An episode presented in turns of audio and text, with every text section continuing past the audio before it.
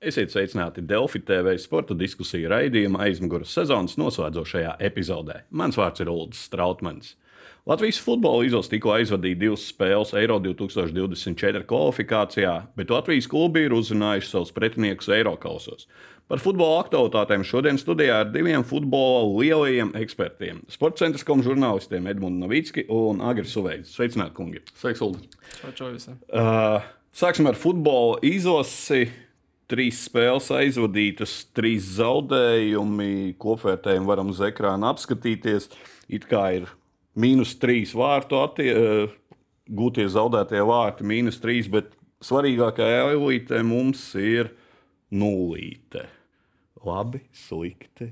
Laikam jau slikti. Stabili. Nu, stabili, jā. Varbūt es varu tad sākt. Uh, teiksim, tā, futbolā vienā atsevišķā spēlē rezultāts noteikti var nebūt rādītājs. Piemēram, es tagad paņemu spēli uh, Turciju, un es atļaušos, cilvēki var nepiekrist, es atļaušos ielikt 9 balvas no 10. Jā, rezultāta nav, bet snieguma ziņā mēs bijām tur divas galvas pāri teiksim, savām normālajām ikdienas iespējām. Pašatdeve, taktiskais plāns arī no treneru puses. Un momentu izveidotie, un spēles scenārijus un raksturs mazākumu atspēlējoties. Lieliska spēle patiešām tieši snieguma ziņā. Uh, Bet, kā arī Kaspars Gorčs bieži saka, ka futbols ir rezultātu bizness un garākā termiņā triju spēļu nogriezienī un droši vien vēl jau vairāk kvalifikācijas turnīra summā, kad būs visas astoņas spēles nospēlētas, tad rezultāts ir pašā, pašā priekš, priekšplānā un pats būtiskākais. Un pašlaik, kad ir trīs no astoņām spēlēm aizvadīts, gandrīz puse, nenospēlējām vienīgi ar Horvātiem, kur ir trešie pasaulē. Nu, tad skaidrs, ka rezultāts slikts, vērtējums kopējs ir negatīvs. Kaut gan visi pretinieki uz papīra ir spēcīgāki nekā mēs. Taču tādām izlasēm kā Latvija ir jāprot ņemt punktu vismaz ik pa laikam, vismaz vienā no trijām spēlēm, ja mēs sevi cienām. Pirms turnīra tika teikts, ka vajag pacīnīties. Šis vārds vienmēr ir pacīnīties par iespējams tikšanu uz tālāk. Ja? Bet nu, šis arī sapnis, laikam, pacīnīties. Mēs it kā cīnījāmies trīs spēlēs. Bet man liekas, šajā grupā vajadzētu tādas divas atkāpes. Pirmā, jā, ko Edmunds jau par Turcijas spēli minēja, minēja es liekam vēl pilotu klāt to, ka deviņas varbūt gluži neieliktu tā iemesla dēļ, ka man nepatika ielaist tie vārti. Kopumā spēles saturs bija ļoti labs, bet tieši konkrēti ielaist tie vārti man diezgan nepatika. Pirmais standarta situācija, kas pat par sevi koncentrēšanās zudums. Uh, otrie vārti bija um, tik, tikko uzreiz pēc tās epizodes, kur mums neieskaitīja vārtus, kur bija var pārbaudi. Un, laikam, sanāca pats pirmais uzbrukums jau pēc tās spēles atsākšanās. Tie ir ielaistie vārti, un arī trešie ielaistie vārti bija sekundes 12, 14 pēc iespējas no laukuma centra. Tā kā kopā tas sniegums bija ļoti labs, izņemot tos ielaistos vārtus, kas man nepatika. Tāda spēle, kā no vienas puses ir teikums nepaveicās, no otras puses mēs tajos ielaistajos vārtos galīgi neizdarījām maksimumu. Tā, kā, nu, tā bija laikam tā spēle, kur mēs varējām paņemt to vienu punktu. Armēnijā un Velsā mēs objektīvi bijām vājāk eh, komanda laukumā. Nu, un otrā atkāpe ir tā, ka pilntermiņā mēs runājam, tad, kad Ainas Kazakēvičs stājās amatā. Uh, viņš sacīja, ne tikai viņš, gan LFF vadība sacīja, ka šis cikls būs tas galvenais. Tagad, kad šis cikls ir pienācis, līgums jau ir pagarināts, tad mums ir mērķi citu, mums nākamais galvenais cikls būs nākamgad. Nu, objektīvi tad reiķinot, kāda mums ir tagad grupa un kāda visdrīzāk būs cēlīgā, nu, tā ir kā būtu loģiski, bet nu, gribās tomēr to pēctecību sākuma, sākuma solījumiem. Jo bija trīs gadi laika gatavot komandu tieši šim ciklam. Bet, nu, ja mēs skatāmies grupu, tad, protams, ka objektīvi mēs esam vājākā komanda grupā. Tā ir jautājums. Kaut gan izloze nav slikta. Jā, it kā izloze nav slikta, bet no objektīvi mēs taču nesam šobrīd vājākā komanda. Un slikti ir tas, ka mums vairākiem līderiem ir būtiski sliktāka situācija klubā nekā tā bija pirms gada, kad jūnijā mums arī bija ļoti labs. Uh, Nogrieznis, tāpēc, ka tiešām daudziem spēlētājiem bija ļoti, bija, bija ļoti, tagad tas ir divas dažādas. Laba izl bija ļoti laba tieši sezona klubos. Tagad tā lejupslīde ir bijusi un diezgan daudziem līderiem, un atkal ir vajadzīgs tas kāpums uz augšu. Jā, līderu laikam neredzējām arī laukumā līderus. Piekritīsiet? Nu, tā arī droši vien jānodala līderis laukumā, līderis ģērbtuvē. Man ir man personīgā sajūta, ka iespējams, es neesmu bijis ģērbtuvē, bet tieši ģērbtuvē pietrūkst tā līdera. Ja runājam par futbola laukumu, manuprāt, ir pāris futbolisti, kuri savu spēju robežās tās līderu īpašības rāda. Tas pats Kristers Tobers, kuram pietrūkst varbūt prasmi spēlē ar bumbu, bet kā viņš spēlē aizsardzībā, kā viņš iet gaisa divcīņās, nežēlējot ne, nežēlojot ne sevi, ne pretinieku. Viņš, manuprāt, ir līderis laukumā. Tāpat Mārcis Sošs, tāpat Ladislavs Gutkovskis, tie visi futbolisti, kuri iet asās divcīņās, manā skatījumā tie uzreiz ir līderi, jo pārējais tur pra, prasmes, taktiskās lietas. Tas jau, tas jau saistās tieši ar spēlētāju kopējo līmeni. Tas, ko Agris runā par klubiem, un nu, mums nav izlasē zvaigžņu vai, vai tādu futbolistu, kuri būtu savos klubos superlīderi. Jā, kapteiņa nomaiņa pirms šīm spēlēm. Vajadzēja spērt tādu soli. Nu, Černamordijs jau savainots kaut vai tāpēc, droši vien vajadzēja. Nē, nu, man liekas, ka Antonius var būt tāds vienīgais cilvēks, ku, kuram tas ir mīnus. No viņa puses raugoties, tāds interesants lēmums, bet nu, kopumā jau laikam pēc tam izskanējušajām ziņām, kas bija Kārdefā, kaut kādām izmaiņām bija jābūt. Vai tas būtu kapteinis vai kaut kas cits. Nu, vienīgais tas, ka neiet īsti kopā tā kapteiņa nomaiņa ar to, ka treneris joprojām nav īsti pateicis, ka daži spēlētāji netiek saukti disciplīnas nevis sportiskiem iemesliem. Jā, par šo tēmu arī pieskarsimies vēlāk. Par Dainu Kazkeviču un šiem uzdevumiem. Tagad laikam uzdevums būs dabūt kādu punktiņu. Nu, Vai arī nu, oficiāli uzdevumu nav? Ja Jā, oficiāli, ja mēs tā runājam, bija tikai laikam pirms gadiem četriem, kad teica, ka ir jāpacīnās par šo tikšanu uz Eiro 2024 caur nāciju līgu vai, vai arī kvalifikāciju. Jā, bet uzdevumu nav. Bet objektīvi, no pēdējās vietas droši vien, ka nu, būsim objektīvi laikam. Būs grūti. Būs grūti. Ja mēs runājam par punktiem, no. nu, šķiet, ka uz papīra visādi futbolā mēs esam Turcijā spēlējuši 3 pret 3 salīdzinoši nesen, vai tik vēl tā nebija Daņa dzimšanas diena. Bet, ja tā skatās uz papīra, nu, mājas spēles pret Velsu un Armēniju, tās ir tās divas spēles, kur noteikti ir jācer uz, punktiem Jā, un ir jāpieprasa punkti. Nākamā spēle ir. Arī sanāk, ka mums nevis Armēnija tā galvenā konkurence šobrīd, bet īstenībā Velsa, jo Velsā laikam septembrī mums ir mājas spēle. Uh, Horvātija ir 8. septembris un uzreiz 11. septembris ir mājās. Es, es ieteiktu neieciklēties uz to, kuru mēs varam apsteigt, bet ieciklēties uz to, ka ir jāņem punkti un jālien ārā no nulītes. Es, te, es pateiktu, arī viens punkts tā būtu mana sarkanā līnija, kas būtu nepieņemami ciklā kopumā.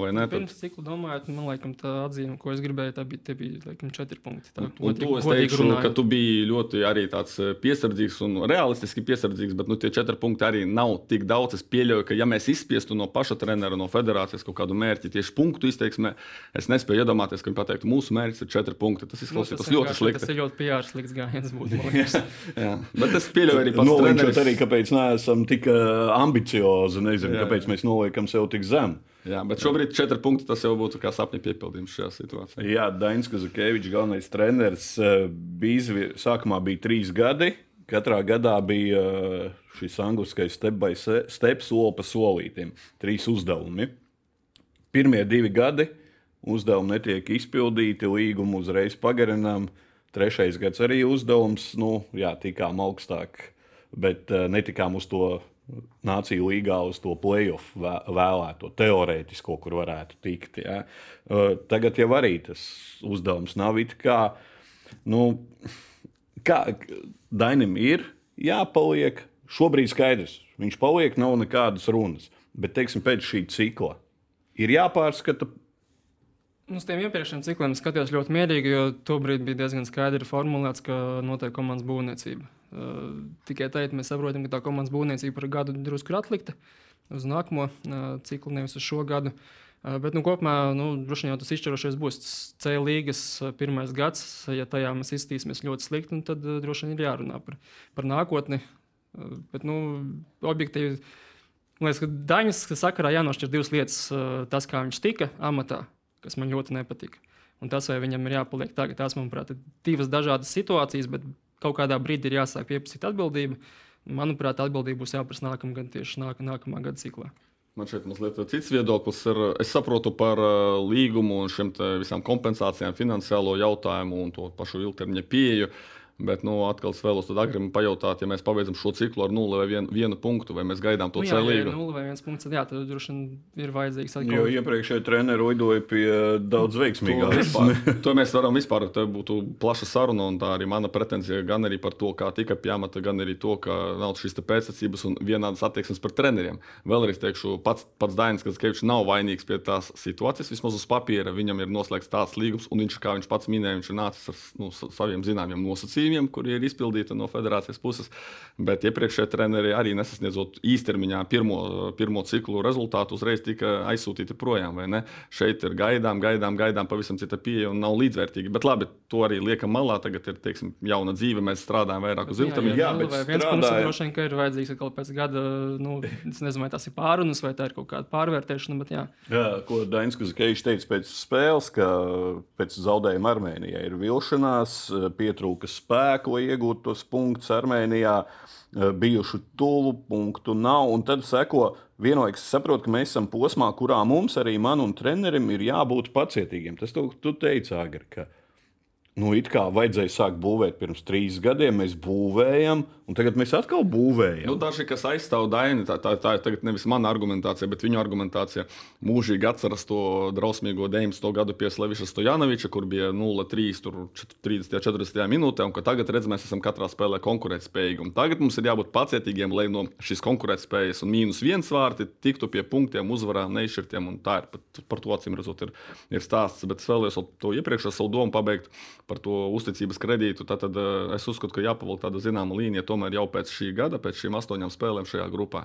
Pašlaik izskatās slikti, es, esam slikti iesākuši, bet nu, izlašu futbols ir tāds, ka tur var pēkšņi daudz kas mainīties. Mēs varam Tici man, mēs varam arī pēkšņi rudenī vienu, varbūt pat divas spēles uzvarēt, uz kaut kāda viļņa noķert. Tāpat kā mums Moldovā bija izcila spēle, kur 4-2 izbraukumā. Nu, tie uzplaikstījumi, tie viļņi, tās sinusoides, viņas ir tādas, ka tas var pamainīties. Un mēs nu, pateiksim, viss kārtībā, labi, Daini strādā C līgā, mēģinām arī parādīt to atbilstošo sniegumu. Bet, bet, bet, jā, nu viņš beidz ar uzvaru pār Austriju. Jā, jā, bet nu, tur tomēr tas iepriekšējais eh, posms bija sliktāks, bet, bet tad eh, kopsavilkumam, lai pasakot, tad, tad eh, pavalkam svītru pēc šī gada un paskatāmies, kā izskatās kvalitāte, snieguma kvalitāte, rezultāti, dinamika un tā tālāk. Šobrīd ir iesākts ļoti slikti, bet ir ūdens priekšā.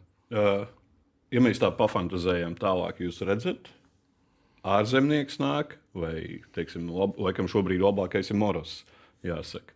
Nu, piekritīšu, ka labākais ir Moros, bet uh, mums, kā Latvijas futbola žurnālistiem, uh, Kurš? kurš? Jurģis jau tev nezvanīja. Jurģim šis gads nav iesācies labi. Jā, viņš ir Latvijas čempions, jāatzīst, un pagaidām nav nolicis čempiona pilnvaras, bet tādā ilgākā Jurģim termiņā paskatoties, būs Eiropas. Arī taisnība. Bet mēs aizrunājām, es vēlējos pateikt, ka mums, kā Latvijas futbola žurnālistiem, nav korekti apspriest citas treneru kandidatūras, Jā. kamēr strādā šī brīža treneris. Ok, neapspriedīsim. Uh, Agri pieminēja uh, šo te atgadījumu Velsā, uh, kas tika paslēpts komandas iekšienē. Uh, Un arī zināmā mērā tā ir attieksme pret līdzjutējiem. Nevēlas atklāt pateikt, ka Zjuzinam un Steinboram ir pārkāpuši disciplīnu.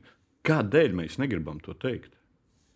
Tāpēc, ka, man liekas, jau diezgan izteikta tendence, ka izlašu treneri, pat arī klubu treneri, federācijas vadīja vispār tāda tendence, tāda, ka mēs par slikto labāk nerunājam vispār lai, lai labāk tas noklust un agri vai vēl par to aizmirsīs cilvēku. Man, tad man vismaz no malas taisnās.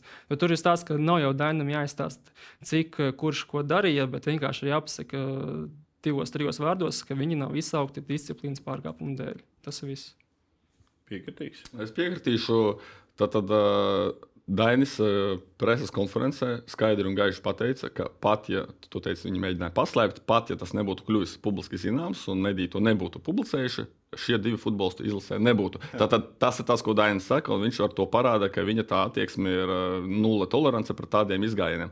Bet tas, ka tas netiek publiski pasniegts, un tas, ka, ko es nepārtraukti atkārtoju un atkārtošu Latvijas izlasē, pieder arī mums visiem Latvijas futbola līdzstājiem, vismaz tādā informatīvā ziņā. Tas nenozīmē, ka mēs drīkstam iet ģērbtuvē, mēs drīkstam trenerim noteikt taktiku, bet mēs drīkstam zināt, kas notiek ar izlasi.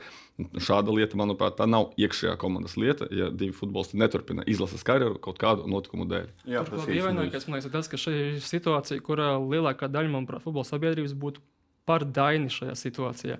Piemēram, ja Gudinska Karašauska sakarā, es pieļauju, ka varbūt arī to divu spēlētāju dēļ tagad netiek nekas teikts, bet ja tajā, ja tajā situācijā sabiedrība vairāk ir pret neizsaukšanu, lai šajā situācijā kā reiz aizstāvēt tieši treneri, tas tas dīvainākais, ka šajā situācijā pat pat tādā situācijā, kur viņš būtu pozitīvais tēls, viņš tik un tā ir pagriezis uz pretēju. Nu, mēs varam spekulēt, ka tā loģika droši vien bija tāda, ka šie abi futbolisti, ko mēs nevaram noliegt, ir daudz devuši Latvijas futbola izlasē kaut kādā mērā. Uh, treneris vai federācija, tās ir viņu darīšanas, mēģināja teiksim, nošaut divus zaķus ar vienu šāvienu, respektīvi no vienas puses šos divus futbolistus nu, nostumt no izlases, no citas puses nu, kaut kā pasargāt viņus no publiskās kritikas, neatklāt šo Nu, lietu. Un Tā, tā ir viņu, tas stāsta par viņu pozīciju. Es nesaku, ka es to atbalstu. Jā, uh, pieminēja jau šos gadījumus Karašalski, Gadīnski. Kur Karašauskas, tad, kad viņš vēl sita golus Latvijā, ja, rādīja, zvanīja tāpat kā Starkovs zvanīja. Ja Gadīnskis arī ir visnotaļ izteicies, bet ir vēl, viens, vēl viena lieta. Vārtsargs Ozols. Vārtsargam Ozolam arī bija disciplīnas pārkāpumi, tā teiksim, uh, uzvedības, jā. Un Treneris tad- godīgi to pateica. Treneris pateica godīgi. Laikam tur ir tas faktors, ka to redzēja visa Latvija, jo video sižetu tu nevari noslēpt atšķirībā no tā, ka komandas uh, divi čaļi neiekāpa lidmašīnā. Laikam tā jā, jāformulē varētu. Nu, jā, bet eh, nu, varbūt man šeit mazliet atšķirsies no tavējā viedoklis. Eh, Es uzskatu, ka jebkurš pārkāpums, eh, vai tas būtu Roberta Ozola gadījums vai šo divu futbolistu gadījumā, eh, tas soda mērs eh, arī nu, nevar būt bezgalīgs. Tāpat kā nezinu, jurisprudencē, tāpat kā eh, kriminālistikā, kas nav mana sfēra, bet ir, varētu būt soda mērs, bet viņš varētu būt ierobežots. Un, teiksim, man ir ļoti grūti izvērtēt, un jebkuram cilvēkam ir grūti izvērtēt, cik lielam tam soda mēram ir jābūt. Bet uh, Roberts Ozols savu sodu izcieta, ko viņam piešķīra, kurš bija gan skarbs, gan publiskās reakcijas ziņā, gan arī viņš tika no virslīgas, ja pareizi atceros, no visām federācijas sacensībām noņemts malā. Tāpat arī šajā gadījumā, nu, es mazliet tagad atkal uz savu subjektīvo, ja Zuzinu un Steinboru uzreiz federācija treneris godīgi pēc tā notikuma to atklātu uh, sabiedrībai un pateiktu, piemēram, tagad f- teoretizēju, ka diskvalifikācija izlasē uz pusgadu, kas nozīmē faktiski šo divu spēļu jūnijā izlaišanu, un septembrī viņi atgriežas. Ļoti iespējams, ņemot vērā tādu publisku lietu, kaunināšana un sodamērs, ļoti iespējams, ka es personīgi arī to akceptētu, ka viņi septembrī atgriežas. Tas kā no abi. Pusgads. Pusgads. Liels termiņš, atklātība, atvainošanās, viss komplektāts un atgriežas. Šajā brīdī tagad eh, jau acīm redzot, variantu nav to ceļu, iz- ko izvēlējās. Bet tas jau laikam tāds kaut kāds uh, kopīgais FIFA stils. Runājam, skaisti futbols ir foršs, baudām futbolu, un tiklīdz ir kaut kādas lielajos kabinetos korupcijas vai arī zemākos līmeņos šīs te, uh, disciplīnas pārkāpumi, tad to nevajag. To nevajag. Tas nav mūsu laikam. Mēs nemākam atzīt kļūdas futbolā un Ne tikai futbolā, dzīvē vispār. dzīvē vispār. Diemžēl. Ok, kungi, ejam tālāk. Eirokalsi tikko bija izloze, un uh, komandas uzzināja savus pretiniekus. Čempionu līga Valmiera, Olimpija Ljubljana laikam. Ne tas labākais. Jūs abi sekojat vairāk līdzi, ko no turienes varēja vēlēties labāk. Nu, no visā to grozot, tas, nu, ja pēc ranga vispār tas ir labākais no iespējamiem variantiem, bet nu, kopumā jau laikam sūdzēties nevar ļoti. Nu, Igaunijas Nu, jā, čempioni. Flora, bet, nu, Flora, Flora, bet, nu, būtībā viens no diviem lab- labākiem variantiem. tā kā Ļoti sūdzēties nevar. Protams, Olimpija favorīti, neapšaubām. Ļoti atkarīgs, ko Valmiera iegūs vai neiegūs transferu periodā. Tā, bet, nu, kopumā, protams, favorīti Valmierieši nebūs, bet nav arī traģisks variants. Uh, uz šī brīža Valmieras sastāvu skatoties un sniegumu Jā, un situāciju, Ir, kurā es viņi. Valmieras, Es, es tā ļoti ceru. Es savukārt nedomāju, ka tas būs pilnīgi divas dažādas valmieras, bet valmieru uh, problēma ir sekojoša, ka nav jau tik traģiski viss. Arī komanda virslīgā turpat pie trešās vietas cīnās un atsevišķā mačā var pacīnīties ar mūsu vadošajām komandām Riga un RFS. Uh, Problēma šīs komandas gadījumā ir, ka tieši pāris pozīcijās ir akūta, akūti robi. Un es neuzskatu, ka jābūt pilnīgi citai komandai. Agris gan arī droši vien domāja tieši to kvalitāti, nevis kvantitāti, bet es neuzskatu, ka Valmierai vajag 5, 6 jaunus spēlētājus. Visā vajag... laika posmā jau pieteikti būtībā 14, 15 pilnīgi mierīgi, ja viņi visi ir veseli. protams. Bet, ja runājam par pamatsastāvu, tad ir varbūt divi robi, vai ne? Tur es personīgi redzu arī par centra pusargu, bet nu, galvenais, par ko visi runā, tas ir uzbrucējs. Uzbrucēju trūkst. Skaidrs, ka ļoti grūti īsā laikā paņemt jaunu spēlētāju, ie, ievest viņu komandā un uzreiz kaut kādu cerēt uz to miedarbību un rezultātu. Bet, ja Valmiera paņems divus spēlētājus sarežģītajās pozīcijās klāt, tad eh, tā var būt patiešām cita Valmiera. Un eh, pozitīvais šajā visā ir, ka nav psiholoģiskā spiediena. Pirmkārt, Slovenijas čempiona Olimpija ir favorīti. Otrakārt, Agris labāk zinās, mēs 11 gadus, par eh, vairāk nekā 10 Jā, gadus Kopš uh, kopš Ventspils, kurā Mēs- 2009. gadā. Jā. 9. gads. Uh, neesam pārvarējuši šo pirmo kārtu Champions League. Teikt, nevis pirmo kārtu, bet mēs neesam uzvarējuši kaut vai vienu kārtu. Nu, mēs, Laikam bija kaut nu, kāda otrā kārta, kurā mēs esam, jā, jā, kurā pirmo, mēs, kurā mēs esam sākuši spēlēt. Plus, jā. plus Valmiera nav tā pagājušā gada lidojošā Valmiera, bet Valmiera, kura saskaras ar problēmām virslīgā. Visi, jā, katrā ziņā, man liekas, par Skendēju viņiem ir kāds spiediens, bija drusku lielāks, jo tobrīd viņi tiešām spēlēja ļoti labi. Jā, un līdz ar to nav spiediena un neviens nesagaida. Un, ja izdosies ideāli, un plus vēl taktiski, es pieļauju arī Olimpija uz papīra favorītu. Olimpija vairāk spēlēs bumbu, Olimpija vairāk uzbruks, un tas arī varētu būt parocīgi. Būs starp zonu un arī nebūs viņa labākajā formā. Bet, nu, līdz spēlēm ir trīs nedēļas. Ja tagad nopērk futbolists, domā, var tik ātri ies, iespēlēties, ja tas ir kāds īpaši jaunais futbolists. Jo Valmiera jau nav pirkus parasti šie jaunie ārzemnieki. Nē, nu, trīs nedēļās jau iedzīvoties var. Tā jau liekas, nav liela problēma, jo Olimpija jau būs tādā līdzīgā situācijā. Viņam arī tas sastāvs drusku mainīsies. Tā jau liekas, tāda normāla starpsezonas vai mūsu gadījumā sezonas vidus uh, situācija. Un kas, kas zina, varbūt Valmiera arī šoreiz izņēmuma kārtā, ņemot vērā Champions League statusu, kaut kādus eh, arī paies pa kreisi, mazliet paņems īstermiņa variantu, teiksim, īstermiņa īri. Arī uz pusgadu pieredzējuši futbolistu, gatavu futbolistu, gatavu uzbrucēju, kurš var dot rezultātu tagad, to tūlīt. to lai Jurģis Kalns domā. Čempioniem ir tā situācija, ka viņiem tā finansiāla atdeva beigās var būt arī diezgan liela, un tas var pat būt tāds fi finansiāli arī izdevīgs darījums.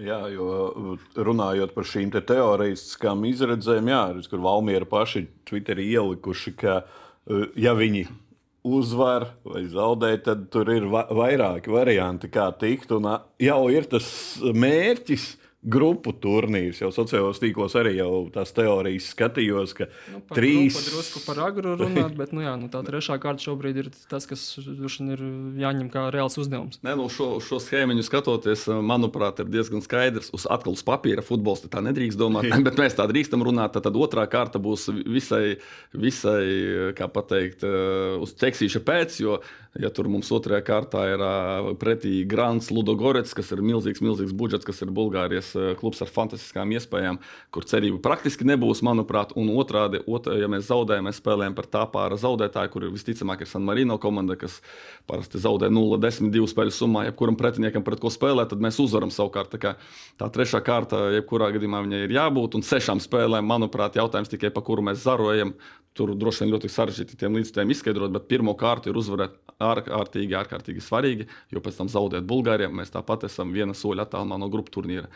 Uzvarot San Marino komandu, mums vēl divi pretinieki. Būs jāuzvar, tas ceļš ir smagāks. Jā, jā. Tā kā labi, atgriežamies pie iepriekšējiem šiem klubiem un konferenču līgu. Eiropas līniju mēs pat nepieminam, tur mums klubi nav. Un Laikam no Champions League arī nevar tikt. Var, tikt var, bet, ja pārvar Olimpiju, tad pēc tam jau tālāk var. Jā, nu, jā cerēsim tā, bet uh, konferenču līga paradoxāli, jā, bet tas ir uh, nolikums, ka kausa ieguvējs būs otrajā kārtā, kas teorētiski abi spēcīgākie klubi sāk ar pirmo kārtu. Riga, nu, pēc Eiropas, pēc Eiropas izpratnes kausa ieguvējs ir spēcīgāks par otro un trešo vietu. Jā, tieši tā. Uh, pretinieki. Sākam Riga FC Vikingurs. Uh, Liekas, visiem, pat visiem trim klubiem uh, var teikt, ka tās izlozes var tā diezgan reducēt uz to, ka visi var īstenībā iziet. Tālāk, naudai visgrūtāk, bet teorētiski arī nav tas trakākais variants. Bet visi var arī jau, nu, varbūt labi, pirmajā kārtā, varbūt ne, bet visi var arī otrajā kārtā izstāties. Tā kā, tāda izloze kā divējāda, varbūt ļoti labi var arī beigties arī diezgan bēdīgi. Nu, tā amplitūda, liekas, rezultātu ziņā var būt diezgan plaša. Tādā ziņā laikam ir interesanti, ka, kā saka, tie ņemamie pretinieki, kuri nav īpaši bezcerīgi, bet arī nav tā, tas otrais gals, jo atcerēsimies, Latvijas klubi pret šiem vājiem pretiniekiem vairākas reizes ir aplauzušies teorētiski vājiem. Jā, jo bieži jā, jāpiemina, ka tieši teorētiski vājie, piemēram, paņemam Rīga pretinieci Vikingur, kas ir no Islandes komandas. Jā, pēc visām tur futbola statistikas portāliem tāda komanda, kas nav neko vērta, kur bezmaz vai pusprofesionāli un tam līdzīgi. Bet, bet izbraukumā Islandē zaudē arī ļoti spēcīgi no Polijas grandu un tā tālāk. Bet, bet, bet varbūt, jā, rezultāti parāda to, tu agres pieminējās. Tātad pagājušajā gadā šī Islandes komanda kā līdzīgs ar līdzīgu spēli ar Zviedrijas Malmi, ar Polijas Lehu, ar tādiem lieliem klubiem, kas ir lielāki nekā Rīga. Tas, ka nebūs viegli, tas ir skaidrs, bet es gribēju to citā virzienā mazliet, ka es iztēlojos, ka šie Islandes spēlētāji, kas spēlē Vikingur, viņi varētu spēlēt labākās līgās. Viņi varētu spēlēt Norvēģijā, Zviedrijā, varbūt tur kādās Anglijas, tur 3. un 4. līgās. Vienkārši viņu tā, es pieļauju dzīves filozofiju, dzīvot labāk tomēr mājās, Islandē, vecāki radi draugi un spēlēt futbolu pus, pusprofesionāli vai, vai nu, profesionāli, bet ne tik spēcīgi. Pusprofesionāli komanda. Nekā, nekā braukt kaut kur uz kontinentālo Eiropu, līdz ar ko tur tā komanda vēlreiz paskatieties cilvēki, kā viņi pagājušajā gadā spēlēja Eiropasos, tur ir jāuzmanās. Un tas, ka uz papīra ir Islandes komanda, liekas, nekas nav, bet Riga būs jāparāda labs sniegums. Uh, bet Riga FC paši šobrīd ir Pīķis atkal spēlē un ies par čempionu titulu. Uh, viņiem ir ko pielikt vēl. Pīķis bija laikam pirms mēneša. Tad nu, sākās jā, traumas. Sākās traumas jā. Nē, nu Rīga jebkurā gadījumā ir mūsu virslīgas līderis. Man mazliet satrauc uh, tas, ka Rīga visu smagumu iznes ar ļoti nelielu spēlētāju skaitu. Tur pat ne 14, ko agresīvi kādā brīdī minēja, tur varbūt pat 12 spēlētāji. Jā, rotācija vismazākā virslīgā. Ļoti maza rotācija un uh, gan nogurums. Tas ir svarīgs faktors tieši iespēja rotēt. Un, uh, un uh, es pieļauju, ka arī Rīga padarbosies un paņems paņems jaunus spēlētājus, bet vai viņi iekļausies šajā komandā, un tie, kas šobrīd sēž uz soliņa un netiek iesaistīti spēlē, vai viņi ir gatavi nepieciešamības gadījumā parādīt augstāko līmeni, tas mazliet satrauc. Jo tas pamata 11. viņš ir labs, bet, diemžēl, ir sākušās traumas jau tagad. Jau komanda ir pāris futbolistus pazaudējusi, un, un, un, un vai tas ne, neizspēlēs ļaunu joku, ka sezonas sākumā komanda nespēlē ar teiksim, plašāku spēlētāju, 15, 16 spēlētāju. Uh, RFS, Maķedonija komanda kaut ko esat skatījušies, no, nu, eh, ko viņi. Tās tie visi pretinieki, izņemot Vikingu, ir Eiropos ļoti maz spēlējuši. Uh, varbūt jau pārliekšu jau uz otro kārtu, teori, kur, kurā vēl ir jāteikt. Nu, kopumā arī jā, Maķedonija arī pie tiem uh, pretiniekiem pieskaitām. Tā izlauze kopumā ir laba no tāda viedokļa, ka, ja mēs gribam Eiropasos uh, kā valsts, kā līga kāpt augstāk, ko mēs droši vien gribam, tad mums ir ļoti labi pretinieki. Mums ir Ziemeļmaķedonija, kas ir vai nu šobrīd drusku zem mums, vai drusku virs mums. Tad mums ir Azerbaidžānas un Ungārijas vicečempioni, bet uh, klubi, kur Eiropasos praktiski nav spēlējuši, Azerbaidžāna laikam pat bija Debī, vienam no tiem diviem klubiem bija debija, kurā ziņā tur ir daudz vietējo spēlētāju. Tie nav uh, budžeta ziņā droši vien tie paši trakākie varianti. Un, uh, teorētiski, ja šos klubus pārvar, tad ne tikai klubiem ir labi, bet arī valsts rangam tas var būt labi, jo mēs uzvaram tiešos pretiniekus. Bet nu, no otras puses, protams, ja mēs viņam zaudējam, tad mums ir tas kritiens uz, uz leju atkal būs. Ja par, par Maķedonijas komandu, tad arī nevajadzētu visu mest vienā maisā. Pagājušā gada Valmiera spēlēja par Škendiju, kas ir viens no Ziemeļmaķedonijas vadošiem klubiem. Tad šis klubs, tā stāsts ir pietiekami interesants. Klubs nespēlē tik ilgi augstākajā līgā, piecas sezonas pēc kārtas, bet Arī pagājušajā sezonā šim klubam bija vairāk zaudējumu nekā uzvaru. Par vienu gan, bet tomēr tas ir vidusmēra klubs Ziemeļmaķedonijā. Viņš ieņem 4. un 7. vietu, bet divus gadus pēc kārtas iegūst kausu. Līdz ar to mēs redzam, tur mazliet citādi. Viņi ar pirmo kārtu sāk, bet Jelgava. Apmēram kā Jelgava. Un, un arī paskatoties uz sastāvu par vecumiem, tur 27, 28 gadi. Nu, tādi pieredzējušie. Šajā ziņā man mazliet arī uztrauc, jo atkal tas klimats un spēle skopjē un, un gudri pieredzējuši futbolisti. Tur, starp citu, ir arī pāris tādi, kas spēlējuši pret Liepāju, citas Ziemeļmaķedonijas komandas sastāvā. Populatānos ir. Un bijušais RFS spēlētājs ir viens, kurš uh, plašākajai varbūt sabiedrībai pilnīgi neko neizteiks, un uh, viņa uzvārdu riskanti pat izteikt sarežģīts, bet uh, viņš par RFS ne, neiedzīvojās RFS komandā, tika nostūts malā un noteikti arī gribēs pierādīt un uzkurināt savus komandas biedrus, ka grib nu, nosacīti sportiski atriepties RFS. Tā arī ir jāuzmanās gan islandiešu gadījumā, gan ziemeļmaķedoniešu gadījumā ļoti jāuzmanās. Jā, pagājušā sezona RFS fantastiska beidzot Latvijas tribī, eh, skatītājiem tribīnēs bija jācīnās par biļetēm, izpārdotas momentāli praktiski. Nopelnīja arī 3,3 miljonus, vai kam vismaz, ja ne vairāk. Ja? Katru beigās. Jā, jā. jā, jā. Uh, Bet viņi nav īsti tā pastiprinājuši no šīs summas. Viņiem ir stabilitāte, RFS. Viņiem laikam nu, arī. Viņam no savaļnieks ir pienācis klāt, ka uzreiz viena pozīcija, kas pagājušā gadā bija salīdzinoši tāda vājāka, uzreiz ir krietni pastiprināta. Netika ieguldīti tie 3,5 nu, jā, jā, jā, jā, jā, ieguldījumi tur Robertā diez vai, bet nu, jā, vēl arī Jānis Kalnieks, kurš gan diemžēl joprojām ir traumēts. Tā kā cerēsim, ka viņš kaut kad varētu atgriezties. Nu, kopumā nu, sastāvs ir kodols palicis un dažas pozīcijas ir tomēr pastiprinātas. pagājušo sezonu salīdzinot. Es, es par tām lielajām Un, prēmijām. protams, gribēju centra pusargs arī. Jā. Gribēju par tām lielajām prēmijām papildināt. Eh, Es kādreiz pirms gadiem, pieciem, desmit arī turēju īkšķus, lai mūsu klubi nopelna, jo tad viņi varbūt tur ieguldīs. Tagad reāli es saprotu, ka tās prēmijas, ja vien tie nav tiešām abnormālas summas, tur jau grupu turnīri, iziet no grupu turnīra vai Champions League grupu turnīrs. Tās summas tomēr ātri izplēna, puse aiziet spēlētājiem prēmijās, jo viņi malači to ir sasnieguši. Vēl tur daļa, laba daļa aiziet visos šajos pārlidojumus, tur grupu turnīrām, nu, viesnīcās un charter reisi un tas viss, un tur pāri nekas nepaliek. Un tāpat mēs saprotam, ka visi mūsu klubi ir atkarīgi no šiem te, nezinu, mecenātiem, oligarkiem, sauciet, kā gribat, lieliem uzņēmējiem. Un es vairāk skatos uz to, kā, to, ko tu minēji par tām tribīnēm un skatītājiem. Tikai kā futbola popularizēšanas veids, tas ir lieliski. Ja mums rudenī ir grupu turnīrs, tad nu, negribu pārspīlēt, ka visa nācija dzīvo futbolā, bet tomēr liela daļa seko arī rudenī Latvijas Un Tas futbola arī klubiem. izlasē nāk līdzi, ka pagājušo gadu mēs to redzējām. Klubs pavilka un pavilkās izlasē līdzi skatītāji, lai gan nu, tribīnēs varēja būt arī vēju izlases spēlēs. Prēmijām noslēdzam, liekas, Jā. Eiropas līga un Eiropas konferences līga. Tie ir tie grupu turnīri, kur tu vari runāt par viena gada pašizmaksu. Nu, varbūt Rīgas gadījumā pat viena gada pašizmaksas nesanāks, bet kopumā, ja mēs gribam pelnīt tikai uz Eiropas rēķina, tad, protams, ir Champions League grupu turnīrs, kas ir uz pārējo grupu turnīru fona pilnīgs kosmos. Tur ir League grupu turnīrā, ja tu pabeidz ar nulli punktiem.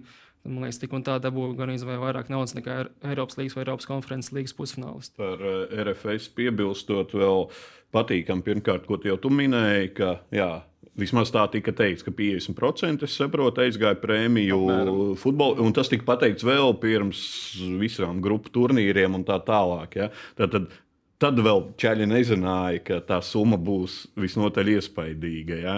Tas ir patīkami. Un otrs ir tā futbola popularizācijas nolūkos izveidotā filma.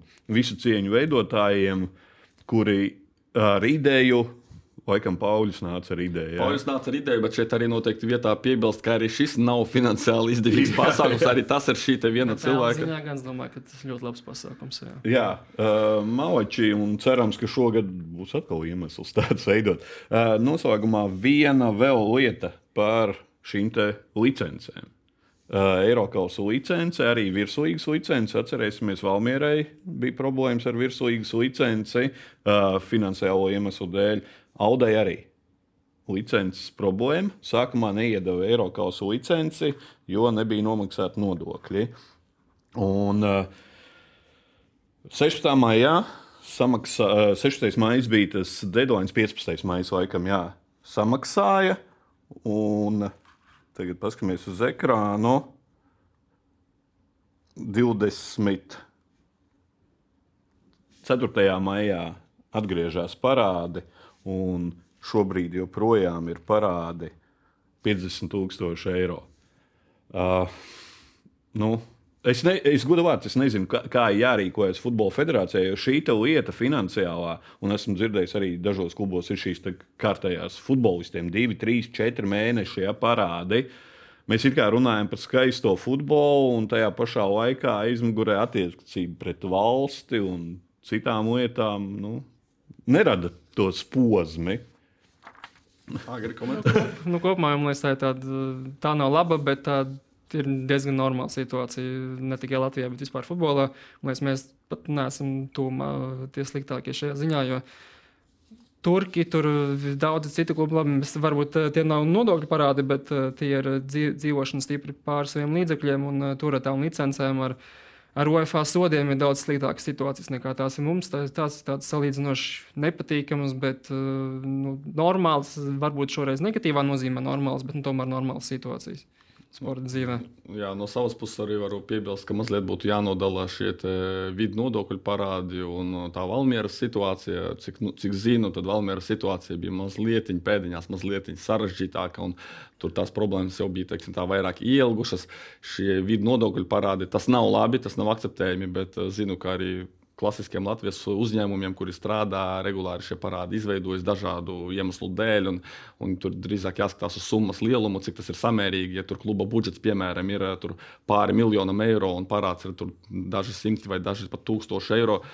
Pat arī tā visnosauktā summa, tas droši vien nav tik traģiski jautājums, cik tur ir tas uh, ilgi, ilgi turpinās un cik tas parāds tālu aiziet. Un, tas ir runa, un viņiem ir, diemžēl, tikai bija Audai bija tieši šo posmu, kad viņiem piedraudēja nedot eiro kausu licenci. Nedēļu nebija, un šobrīd joprojām ir.